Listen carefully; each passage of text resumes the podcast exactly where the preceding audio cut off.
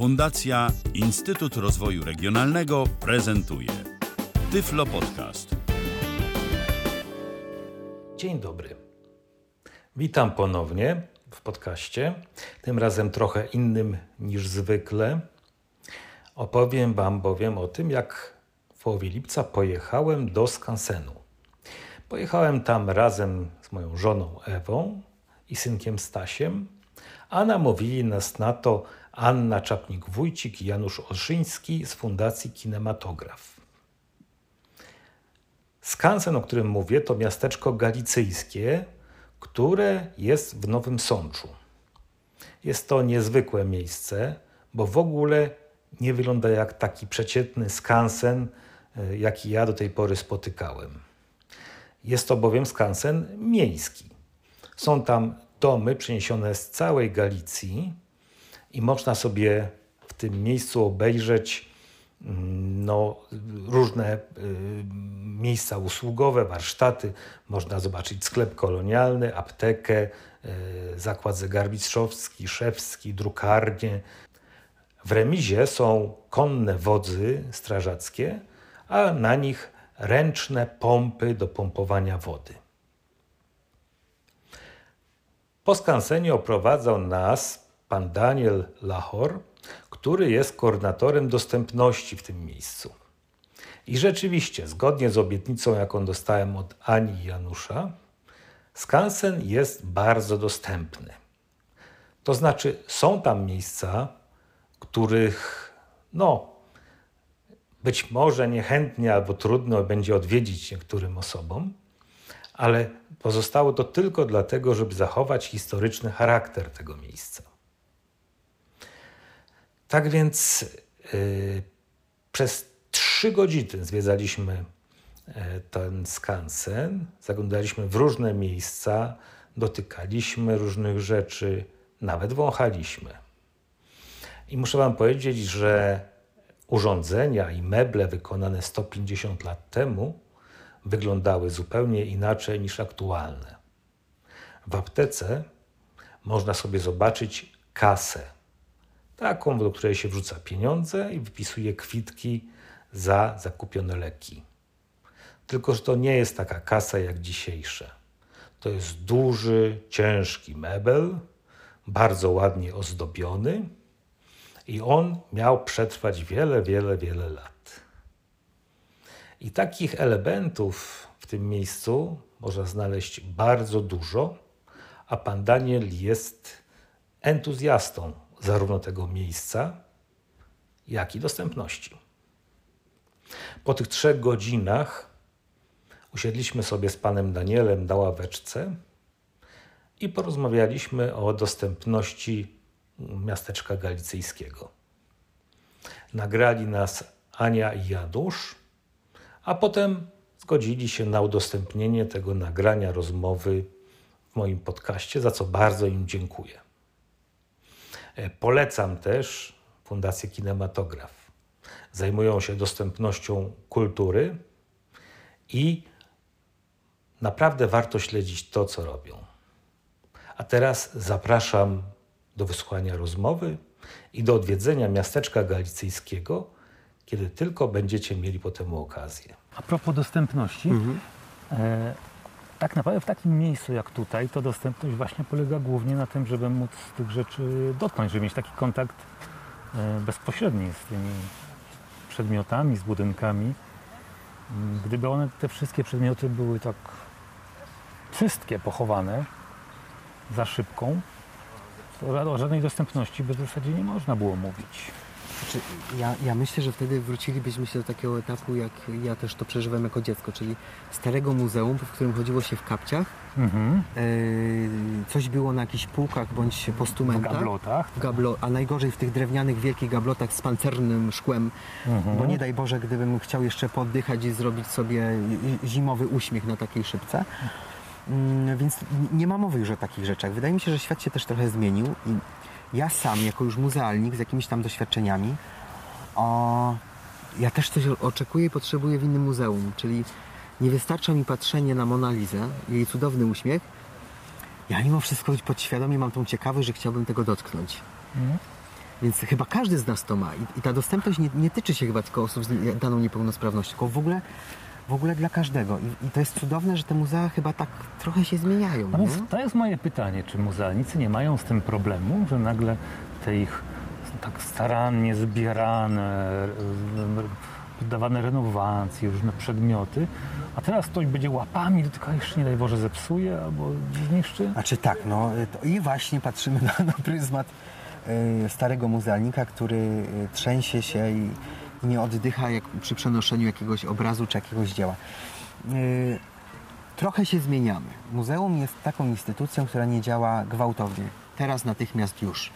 U nas ta woda w tym kole młyńskim musi powoli nabierać swojego tempa i musimy też trochę coś e, zrozumieć, czyli musimy zrozumieć nowego odbiorcę. To nie jest proste, bo jest dużo zasad. Rzecz jasna, nie dotkniemy nawet tej przysłowiowej Monelizy, nie dotkniemy sobie, nie wiem, e, ołtarza Wita Stwosza w Krakowie, chociaż bardzo byśmy chcieli, a byłoby co dotykać, mhm. bo to jest bardzo cenny zabytek sam w sobie.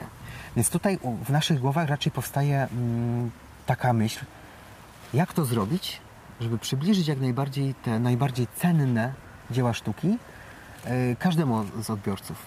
Czyli tak naprawdę wracamy do takiej podstawy czyli czegoś, co ja yy, kocham o tym mówić, czyli o uniwersalnym projektowaniu, uniwersalnym podejściu i traktowania wszystkich na podobnym poziomie.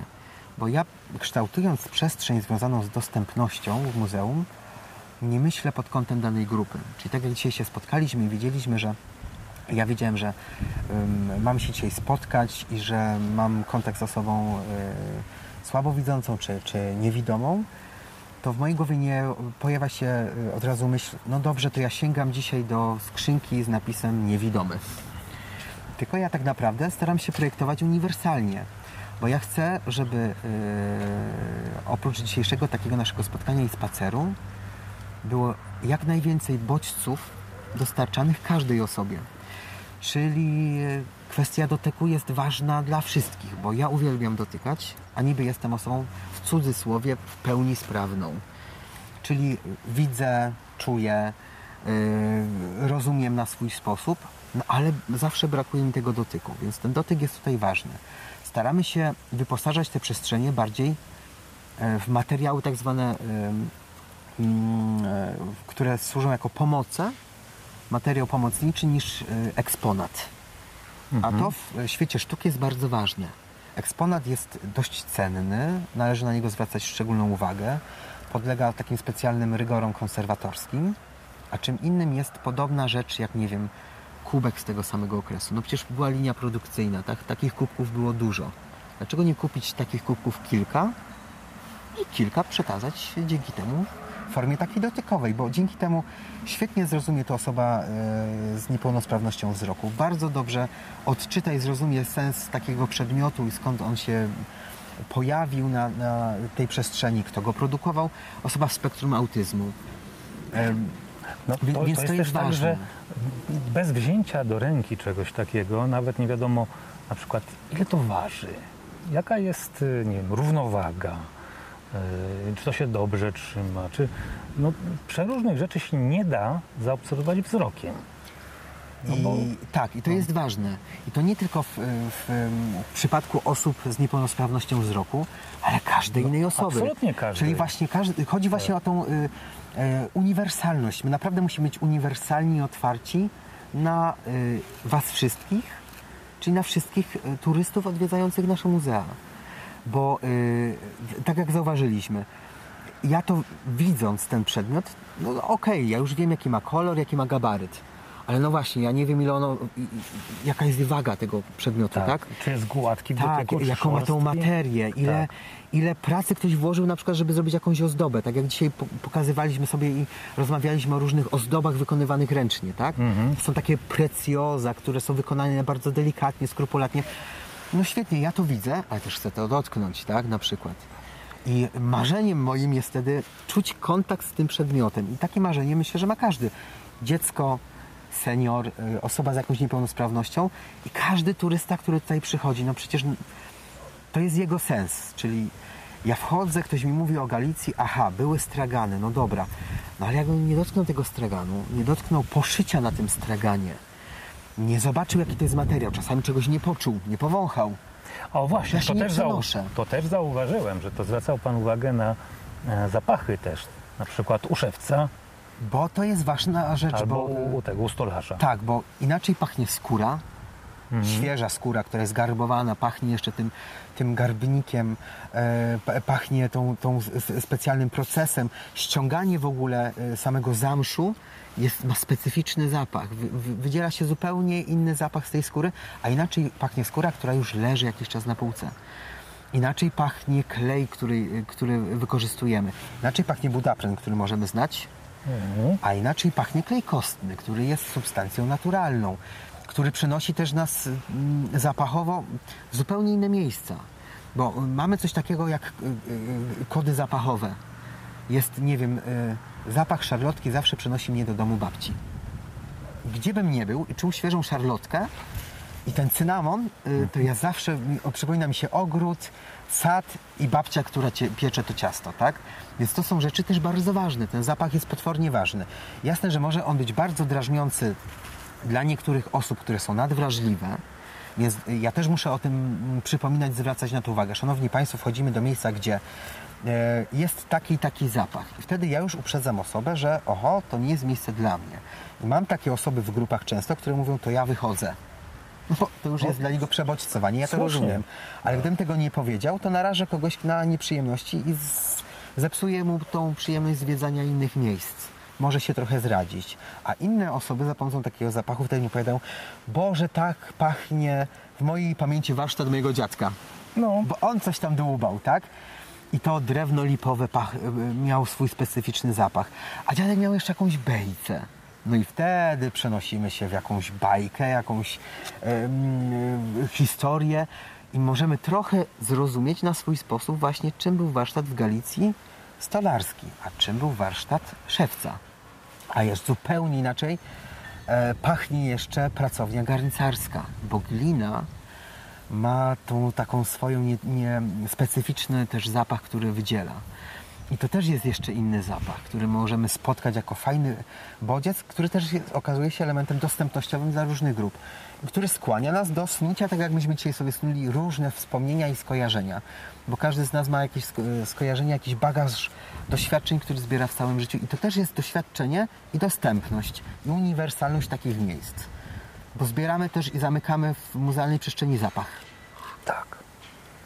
Jest też tak jakąś i historią. to, to rzeczywiście działa, bo prawdę mówiąc, te zapachowe rozwiązania to ja już spotykałem na przykład y, w takich, mm, takich centrach, y, nie wiem jak nazwać to, takie, to takie naukowe, tak Mhm. jak Centrum Nauki Kopernik.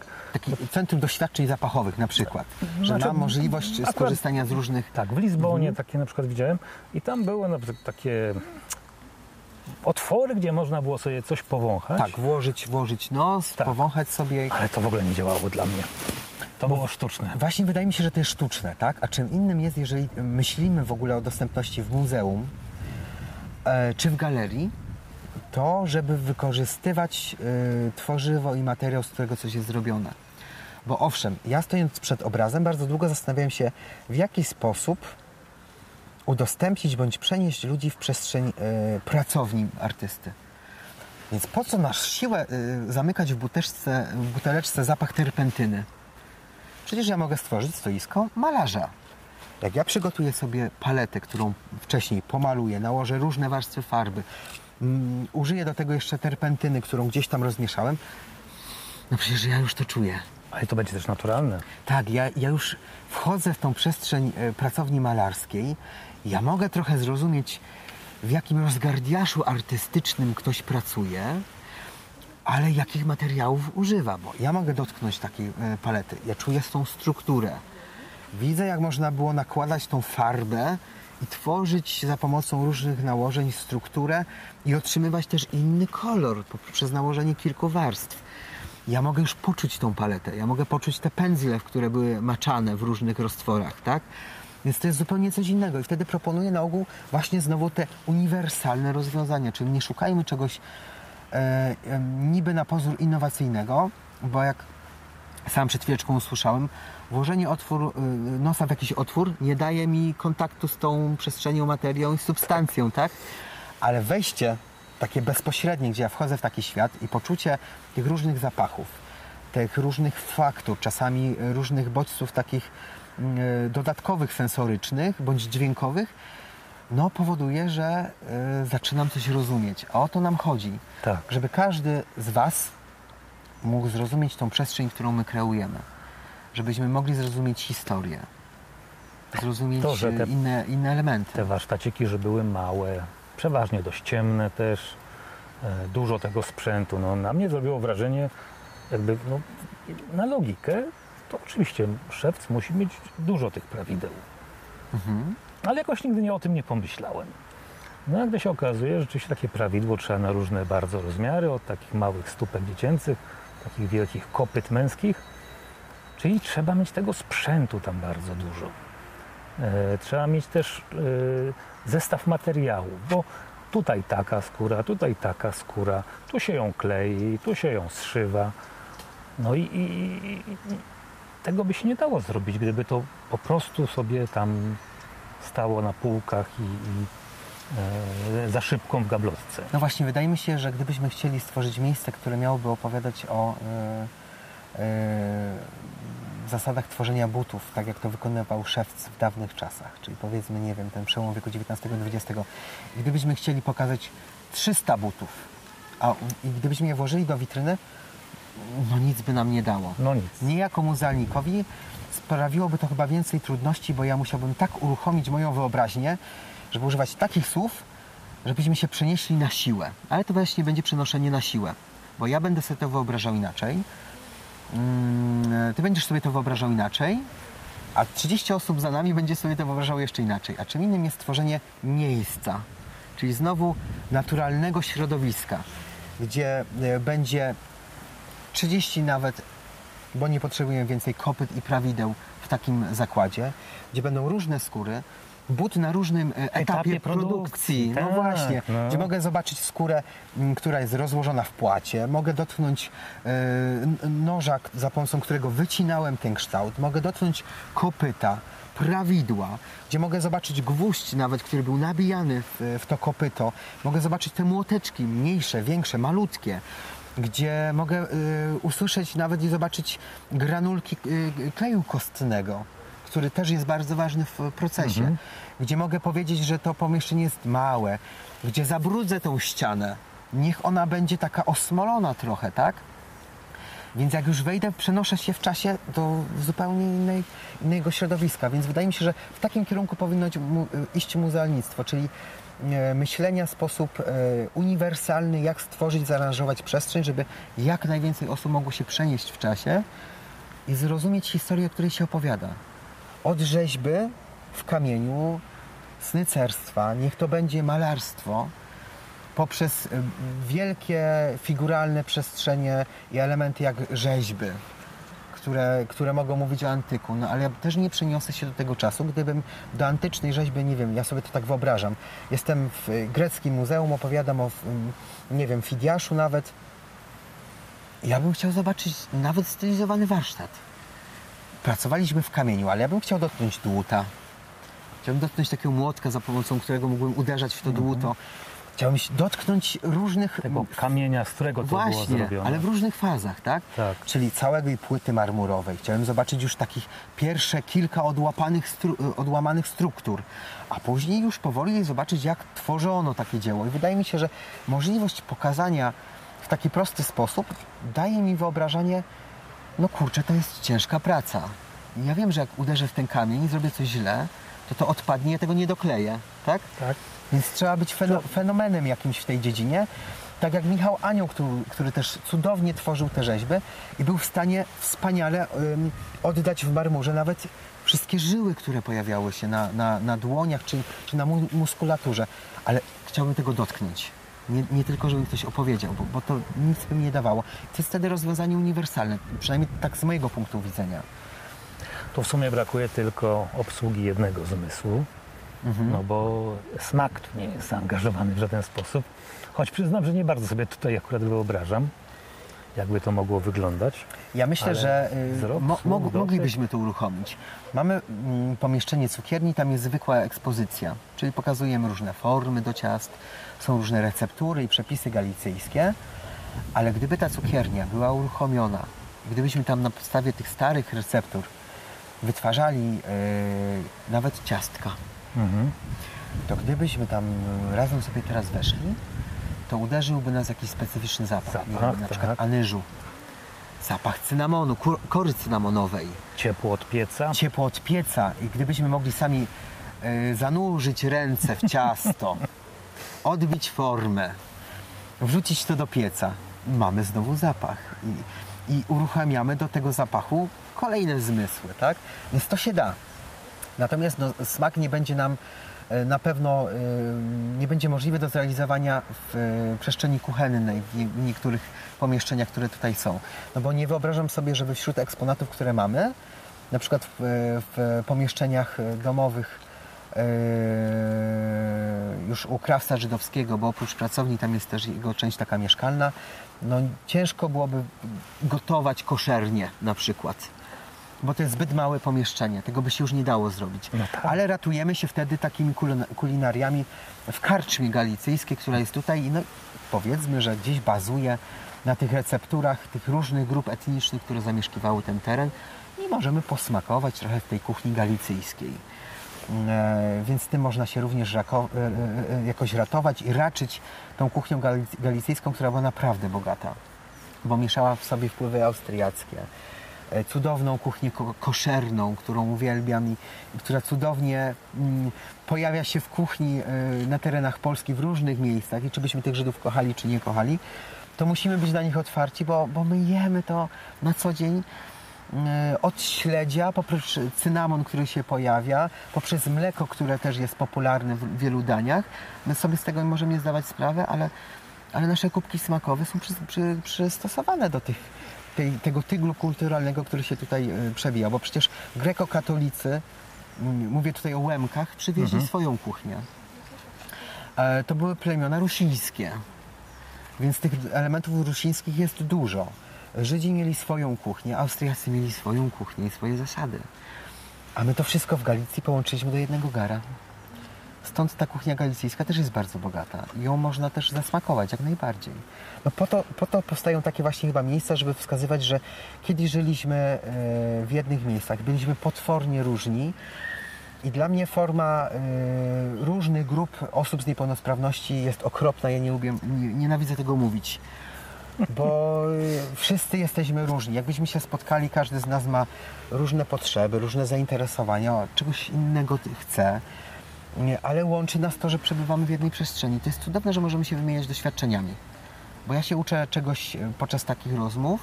Cudownie, że ktoś szanuje moje odmienne zdanie, ale ja też uwielbiam szanować kogoś zdanie. Bo to też mnie zmienia jako, jako człowieka. I to chyba jest bardzo ważne, żeby nie zapomnieć o takich podstawach takiego kontaktu, bo bez tego nie będziemy też uniwersalni i nie powstaną uniwersalne miejsca. Różne, nie tylko muzea, ale nie powstaną e, uniwersalne przestrzenie e, w urzędach, nie powstaną uniwersalne rozwiązania, e, nie wiem, na dworcach kolejowych. E, A o to chyba nam chodzi jako koordynatorom dostępności, żeby te nasze przestrzenie nie były sztucznie nazywane dostępne, tylko żeby rozmawiać i tworzyć rzeczy uniwersalne, które będą dla każdej, każdej z grup osób y, dobre, czyli i dla matki z dzieckiem, dla osoby w spektrum, dla osoby z, zesp- z y, Aspergerem, dla osoby z zespołem Downa, dla osoby słabowidzącej, dla mnie, który ma mnóstwo pewnie elementów y, związanych y, z dostępnością, bo sam jak siebie terapeutyzuję, to czasami zauważam mnóstwo elementów. Twierdzę, że, że mam Aspergera i to jest cudowne. No, potrzebuję mnóstwa bodźców, żeby coś zrozumieć. A wydawać by się mogło, że przecież no, jestem w cudzysłowie normalny, więc czymże jest ta normalność? No każdy z nas jest normalny na swój sposób. Czy Pana zdaniem to miejsce, ten, ten, mm, to miasteczko y, jest takim uniwersalnie zaprojektowanym miejscem? ma pewne mankamenty. Z pewnością. Nawet mankament, tak jak dzisiaj poruszyliśmy na samym początku, A jak tu wjedzie osoba na wózku? Mówimy o kocich łb, łb- łbach i e, studni, która znajduje się po środku i niestety trzeba je przeciąć e, z każdej możliwej strony, żeby tam się dostać. Zdajemy sobie z tego sprawę, ale mm, jeżeli chcę oddać ducha, tak naprawdę, e, tej przestrzeni, to muszę być też uczciwy. Ja uczciwie na przykład o tym mówię, że mam taką niedoskonałość i szanowni turyści na, poruszający się na wózkach, wybaczcie mi, wjedziecie wszędzie do każdego pomieszczenia, bo starałem się niwelować progi, montować podjazdy, ale będziecie mieli problem na płycie, bo ja o, o tym Wam właśnie teraz opiszę, czyli część jest w kostce brukowej. Super, da, dacie radę przejechać, ale część jest na przykład kamieni i bloków kamiennych, która jest tylko uzupełniona trochę żwirem. Część tego żwiru nie ma, więc będą wyboje i ciężko gdzieś będzie przejechać, jak wjedzie wózek. No a problem jest z kocimi łbami, więc y, są osoby, które ja muszę wjeździć, nie jest to dla nich komfortowe, bo się źle czują. I to jest mankament, który faktycznie gdzieś jest w mojej głowie, ale nie mogę przygotować tam innej ścieżki. No, no nie mogę. To ja tylko powiem, że dla mnie to nie jest wcale mankament, e, bo od jakiegoś czasu mam takie poczucie, że, e, że dostępność stała się celem zamiast środkiem do osiągania czegoś. I że ludzie uważają, że tylko ta dostępność jest ważna, podczas gdy tak naprawdę dostępność jest jednym z elementów. Tutaj celem jest odtworzenie tego miejsca, tego miasteczka. Więc to, że tam się nie da wjechać, to też był element tego miasteczka. Mm, e, Bez tego elementu nie byłoby miasteczka, czyli bez Tak. studni, kocich łbów, które wyznaczają nam tak, Byłoby to faktycznie. fałszywe miejsce. No, udawaliśmy, że, udawalibyśmy wtedy, że mamy e, miasteczko galicyjskie nie będące miasteczkiem, tak? Więc trzeba być uczciwym. Ale ta uczciwość po- spowodowała to, że do każdego oddziału yy, zrobiłem rzetelny opis. Czyli yy, każda grupa, każda osoba może coś przeczytać dla siebie. I musiałem napisać, że gdzieś jest ciemno, gdzieś jest zapach, żeby też ludzi uprzedzić, gdzie mamy materiały dotykowe, a gdzie nie wjadę, bo, bo muszę być uczciwy, tak? Czyli nie chcę, żeby ktoś się na mnie obraził, jak tu przyjeżdża. Jest mi trochę faktycznie czasami smutno jako człowiekowi, że mm, staram się dużo elementów tworzyć uniwersalnych, ale czasami spotkam kogoś, kto jest w stanie mnie zbesztać. No ja to rozumiem, ma do tego prawo. Biorę to na klatę. Natomiast wtedy na ogół staram się prosić o zrozumienie i odsyłam do strony, że uczciwie z ręką No więc ta na sercu się przyznałem, że jest, informacja tak, jest inaczej. niezwykle ważna. To jest coś, co ym, my robimy tworząc taki mm, generator deklaracji dostępności. Mhm. I bardzo mocno podkreślamy, że nie chodzi o to, żeby się tutaj czymś chwalić, coś ukrywać, tylko żeby napisać rzetelnie, bo to ma być informacja dla odbiorcy. I on sam zdecyduje, ten odbiorca, czy w związku z tym on tutaj sobie poradzi, czy sobie nie poradzi, w które miejsca będzie mógł się dostać, y, z czego będzie mógł skorzystać, ale tylko wtedy, kiedy będzie miał rzetelną informację.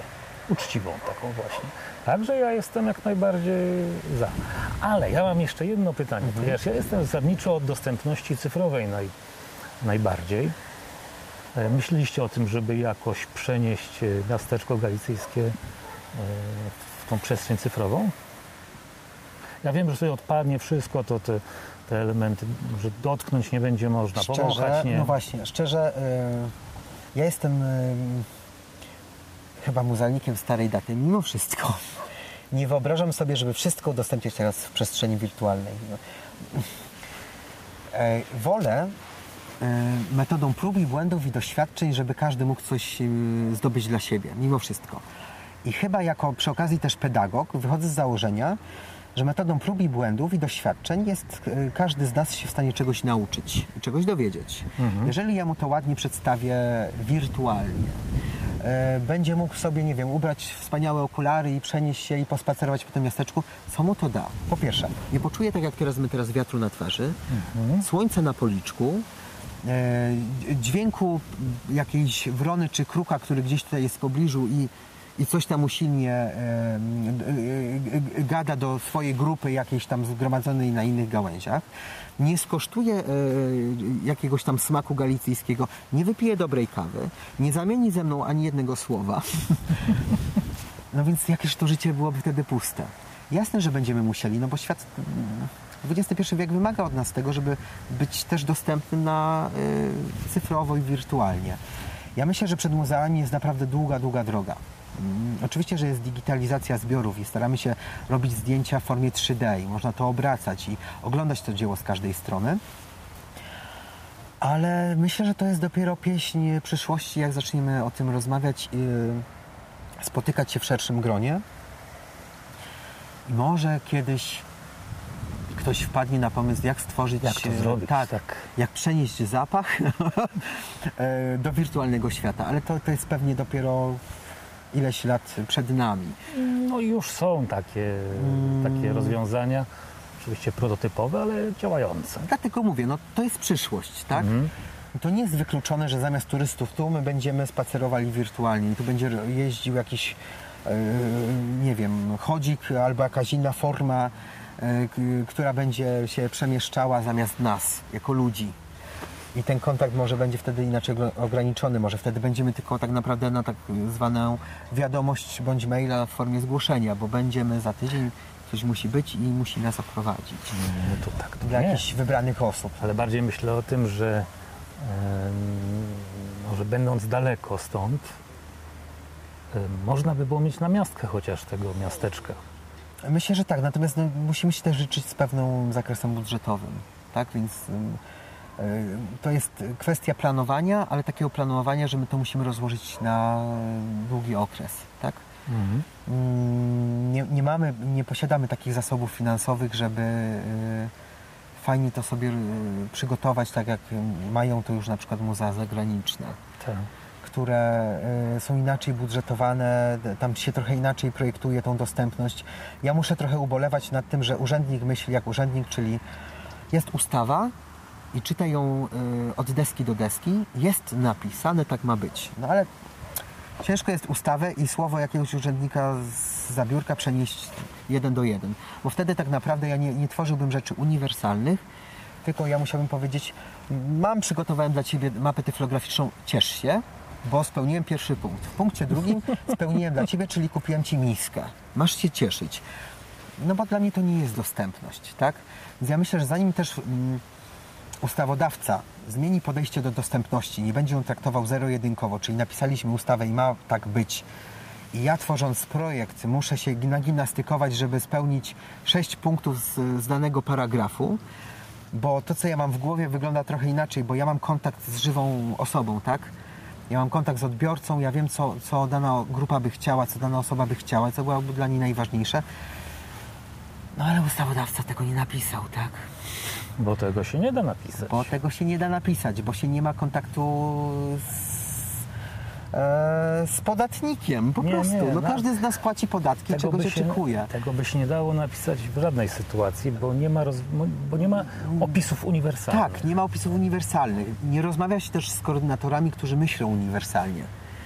E, Żeby nas też nie ograniczać ustawą, bo w ustawie z 19 lipca 2019 roku w sprawie dostępności prowadzono te minimalne wymagania i jedziemy z koksem przez wszystkie inne e, e, paragrafy, które tam są. No super, ja się cieszę, że ona jest, ale w moim życiu ona nie zmienia nic. Ja się dostępnością zajmowałem znacznie wcześniej niż ustawodawca. Ja miałem kontakt z tym środowiskiem znacznie wcześniej. Ja przez mm, pryzmat swoich doświadczeń rodzinnych zajmowałem się dostępnością od zawsze. Z czego mogę sobie teraz zdawać sprawę. I mniej więcej wiem, czego te, czego te osoby ode mnie oczekują, czego chciałyby przychodząc tu i do innych miejsc podobnych. Więc do momentu, kiedy ustawodawca nie zacznie rozmawiać e, szczerze e, z osobami, które są najbardziej zainteresowane tym, co powinno się wydarzyć, z osobami, które zajmują się koordynacją tych e, elementów w muzeach, instytucjach innych podobnych, od jednostek medycznych, urzędów, poprzez muzea, galerie, dworce kolejowe na, na przykład, architektów, którzy mają coś projektować, no to my możemy zapomnieć o dostępności przez kolejne jeszcze 20 lat. To my będziemy się posiłkowali e, ustawą, która została napisana i każdą kolejnym jakimś poszerzeniem, które wzmacnia tylko dany paragraf, bo trzeba coś nadpisać, bo jakaś grupa coś powiedziała i dajcie nam spokój, macie. To nie o to chodzi.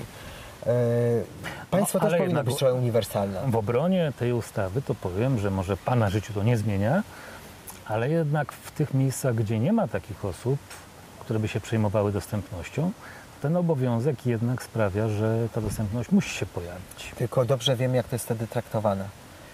E, O Boże, oni kazali. O Tak. Boże, muszę to zrobić. Tak. I bardzo często robi się to. ym, no masz, no, no, no masz człowieku, przygotowałem ci, daję ci zestaw. Proszę pana, niech pan nie pyta. No, myśmy przygotowali, to jest dla pana i to leży tam. No super, ale jak ja mam tam trafić? Na litość boską, no jak mam zejść te pięć pięter niżej? Jak y, ani nie chce mnie pani, y, y, pani, nie wiem, sprowadzić, no bo pani powie, że no, ja panu powiedziałam, pan sobie zejdzie, pan trafi. Ależ oczywiście, że tak może To być. jest smutne, no właśnie. Więc ja bym chciał, Ale żebyśmy też temat zaistniał. Także zaistniał, więc zmieniło się dużo. Też y, staję w obronie urzędników takich jak ja i tysiąc innych osób, bo zmieniła się trochę mentalność, bo czym więcej zaczęliśmy mówić o dostępności, o dostępności, fo- formach dostępności, to y, trochę zatarliśmy ten pryzmat, że osoba mm, niepełnosprawna bądź z niepełnosprawnością y, nie jest już traktowana w formie takiego ostracyzmu społecznego. Czyli nie trzeba się już wstydzić, można wyjść, można prosić, można się czegoś domagać. To jest bardzo ważne. W końcu zaczęliśmy też myśleć przy niektórych rzeczach, nawet coś projektując, No dobra, pomyślmy teraz, gdzie zrobić toaletę, gdzie umieścić yy, na przykład, nie wiem, system alarmowy, jak on powinien być, y, wyglądać, jak powinno wyglądać nawet oznaczenie guzika w wincie, tak? Prozaiczna rzecz, ale w końcu o tym rozmawiamy. Natomiast y, no, trochę nam jeszcze brakuje i to jest fajna praca przed nami. tak. Tylko trzeba też z nami chcieć rozmawiać i więcej o tym rozmawiać, a nie myśleć tylko tak zero-jedynkowo. Czyli e, jest litera A i kończymy na literze Z i nie dajemy pola manewru, że tych osób potrzebujących jest mnóstwo i pomyślmy o tym, jak to rozwiązać uniwersalnie, bo niby mówi się o e, projektowaniu w architekturze uniwersalnym, które, no przepraszam, nie do końca jest uniwersalne. Jest jakiś zakres rzeczy, które powinny być uniwersalne, no ale one się nie sprawdzają w większości przypadków. Więc e, kochani architekci, chcieliśmy też rozmawiać z, z różnymi osobami. Wchodźmy w jakieś interakcje z fundacjami, stowarzyszeniami, które zrzeszają takie osoby, rozmawiają z nimi, bo to są żywe organizmy, które żyją tym tematem na co dzień. No, profesor Wysocki to by się podejrzewam nie zgodził z takim, że to uniwersalne projektowanie nie działa. Jego zdaniem działa bardzo dobrze. Być może na przykład jest źle interpretowane, bo to też jest taki problem dosyć y, częsty, że różne rzeczy są źle rozumiane, źle interpretowane i wtedy to nie chce tak, działać. tylko nie zapominajmy, że ym, tym rozumem posiłkuje się osoba. Tak. Więc y, źle zrozumiała wykład. Nie chcę tego inaczej zaprojektować i zrozumieć. Nie wiemy tego. Ja, ja teraz nie, nie obarczam tej grupy jako wielką winą, tak? Nie, nie, Tylko, to y, ja stoję w obronie wyłącznie uniwersalnego projektowania, a nie architektów. Tak, tak, tak. Natomiast tutaj coś y, trzeba byłoby chyba y, znowu y, przemodelować trochę te zasady, tak? Tak jak y, my modelujemy y, tę kwestię dostępności uniwersalnej w muzeach, tak każda z grup co jakiś czas y, no, musi usiąść i się zastanowić, y, co dalej, co jeszcze, w jaki sposób, jaka jest odbiór tej danej Albo grupy co wyrzucić. albo co wyrzucić, czym to zastąpić, albo jak tylko lekko mm, zmodernizować bądź przekształcić i z tego wychodzi coś fantastycznego. Bo może się okazać, że nie wiem, przesuniemy o 5 cm jakiś element i daje to świetną perspektywę, bo się inaczej coś ogląda, inaczej się z, tej, z tego elementu korzysta i czerpie się z tego innego, y, inne jakieś wartości. A czasami wystarczy podpowiedź osoby z zewnątrz, że słuchajcie, bez sensu te 5 cm w tą stronę. We, no nie wiem, niech to będzie większy format.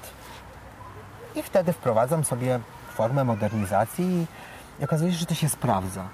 Kiedyś ktoś może mieć e, inne spostrzeżenia, więc no właśnie tutaj chodzi o to, żebyśmy usiedli i w szerokim gronie merytorycznie rozmawiali na argumenty, mm, e, dali, dali też do zrozumienia, że szanujemy odmienne zdanie, bo każdy ma prawo mieć od, odmienne zdanie, dali szansę komuś na, na wypowiedzenie się i zrozumienie, przyjęcie tak po prostu e, bez żadnych żali tego, że jest różnie, tak? Każdy ma inne potrzeby i e, ta rozmowa ma nas skłaniać tylko do tego, żebyśmy weszli w współpracę i zastanowili się, co zrobić jeszcze.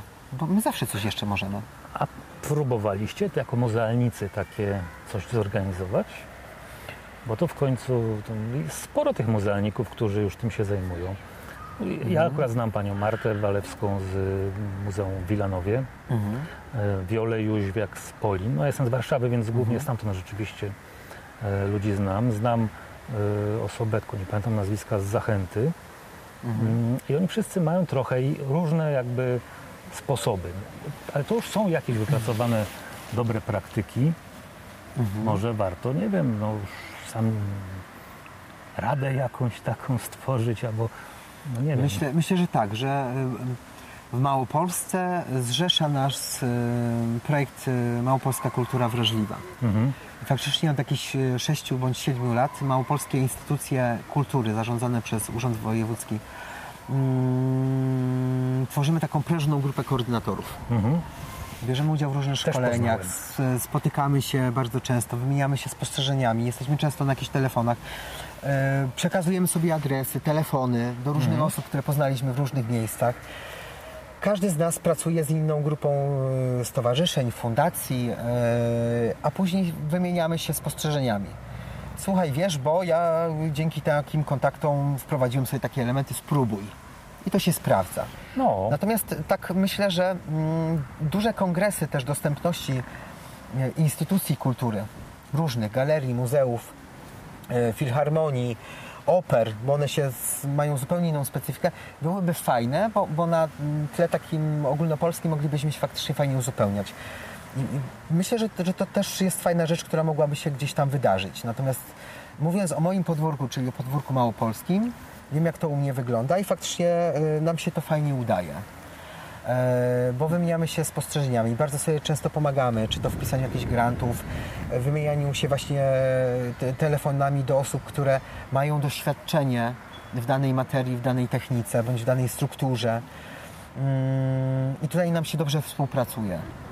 To zostało stworzone 6 bądź 7 lat temu i fajnie się to no sprawdza. to dobrze. To, to, Bo to taką silną grupę. Bo że jest taki projekt, to wiedziałem, ale nie wiedziałem na ile on jest, że tak powiem, szeroki. No, Bardziej na- myślałem, że krakowski Mhm. on jest taki bardziej.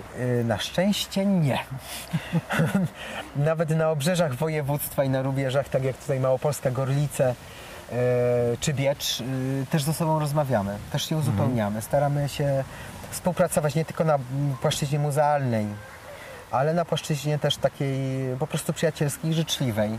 Czyli dobrze wiemy, że przynajmniej te osoby, które ze mną współpracują, dobrze wiedzą, że w nocy o północy, jak do mnie zadzwonią, to ja zawsze odbiorę, a jak nie teraz, to dzwonię rano, ale zawsze pomogę. Jestem w stanie wsiąść w samochód, pojechać, pomóc, spotkać się, podrapać trochę po głowie i wymyśleć dla nich coś.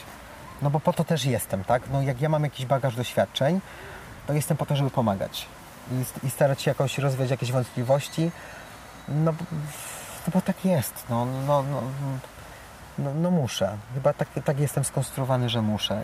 I, ale zauważam, że jest. Albo inaczej, spotykam osoby coraz częściej podobne do mnie. Nie jestem samotny i widzę, że tych osób takich bardzo otwartych, y, sympatycznych, empatycznych, z serca na dłoni jest mnóstwo. Więc zapraszam Państwa tu. Bo, bo y, miasteczko galicyjskie, jak i inne nasze oddziały naprawdę jest otwarte i chętnie gościmy Was Będę- wszystkich w naszych murach. Będę polecał. Tym bardziej, że jakoś y, niedawno byłem, współpisałem, zresztą z, również z Mało, Małopolskim Instytutem e, Kultury, e, taki poradnik na temat dostępnej kultury.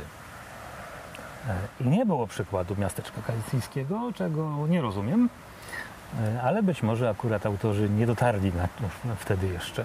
W takim razie będę musiał porozmawiać z Mikiem, który pilotuje większość muzealnych rzeczy w Małopolsce Mhm. e, i wyrazić moje zbulwersowanie. Bardzo, bardzo słusznie. Myślę, Bardzo myślę że tak, słusznie. jest bardzo słuszne, ale, e, ale e, powiedzmy, że mogę ich tłumaczyć tym, że tych instytucji jest dużo, wydarzeń jest dużo i może zakres był trochę inny, dotyczył czegoś innego. Nie wiem, nie obrażam się, ale będę się dopominał o, to, o Ale tym, żeby nie o nas smak mówić. zostaje. Niesmak pozostanie, z pewnością, tak. Razie bardzo było tu fajnie. Bardzo mi się to podobało. Dziękuję bardzo i w takim razie naprawdę zapraszam serdecznie, bo, bo to jest mnóstwo ciekawych miejsc do odkrycia w Nowym Sączu i w naszych oddziałach. Był to Tyflo Podcast. Pierwszy polski podcast dla niewidomych i słabowidzących. Program współfinansowany ze środków Państwowego Funduszu Rehabilitacji Osób Niepełnosprawnych.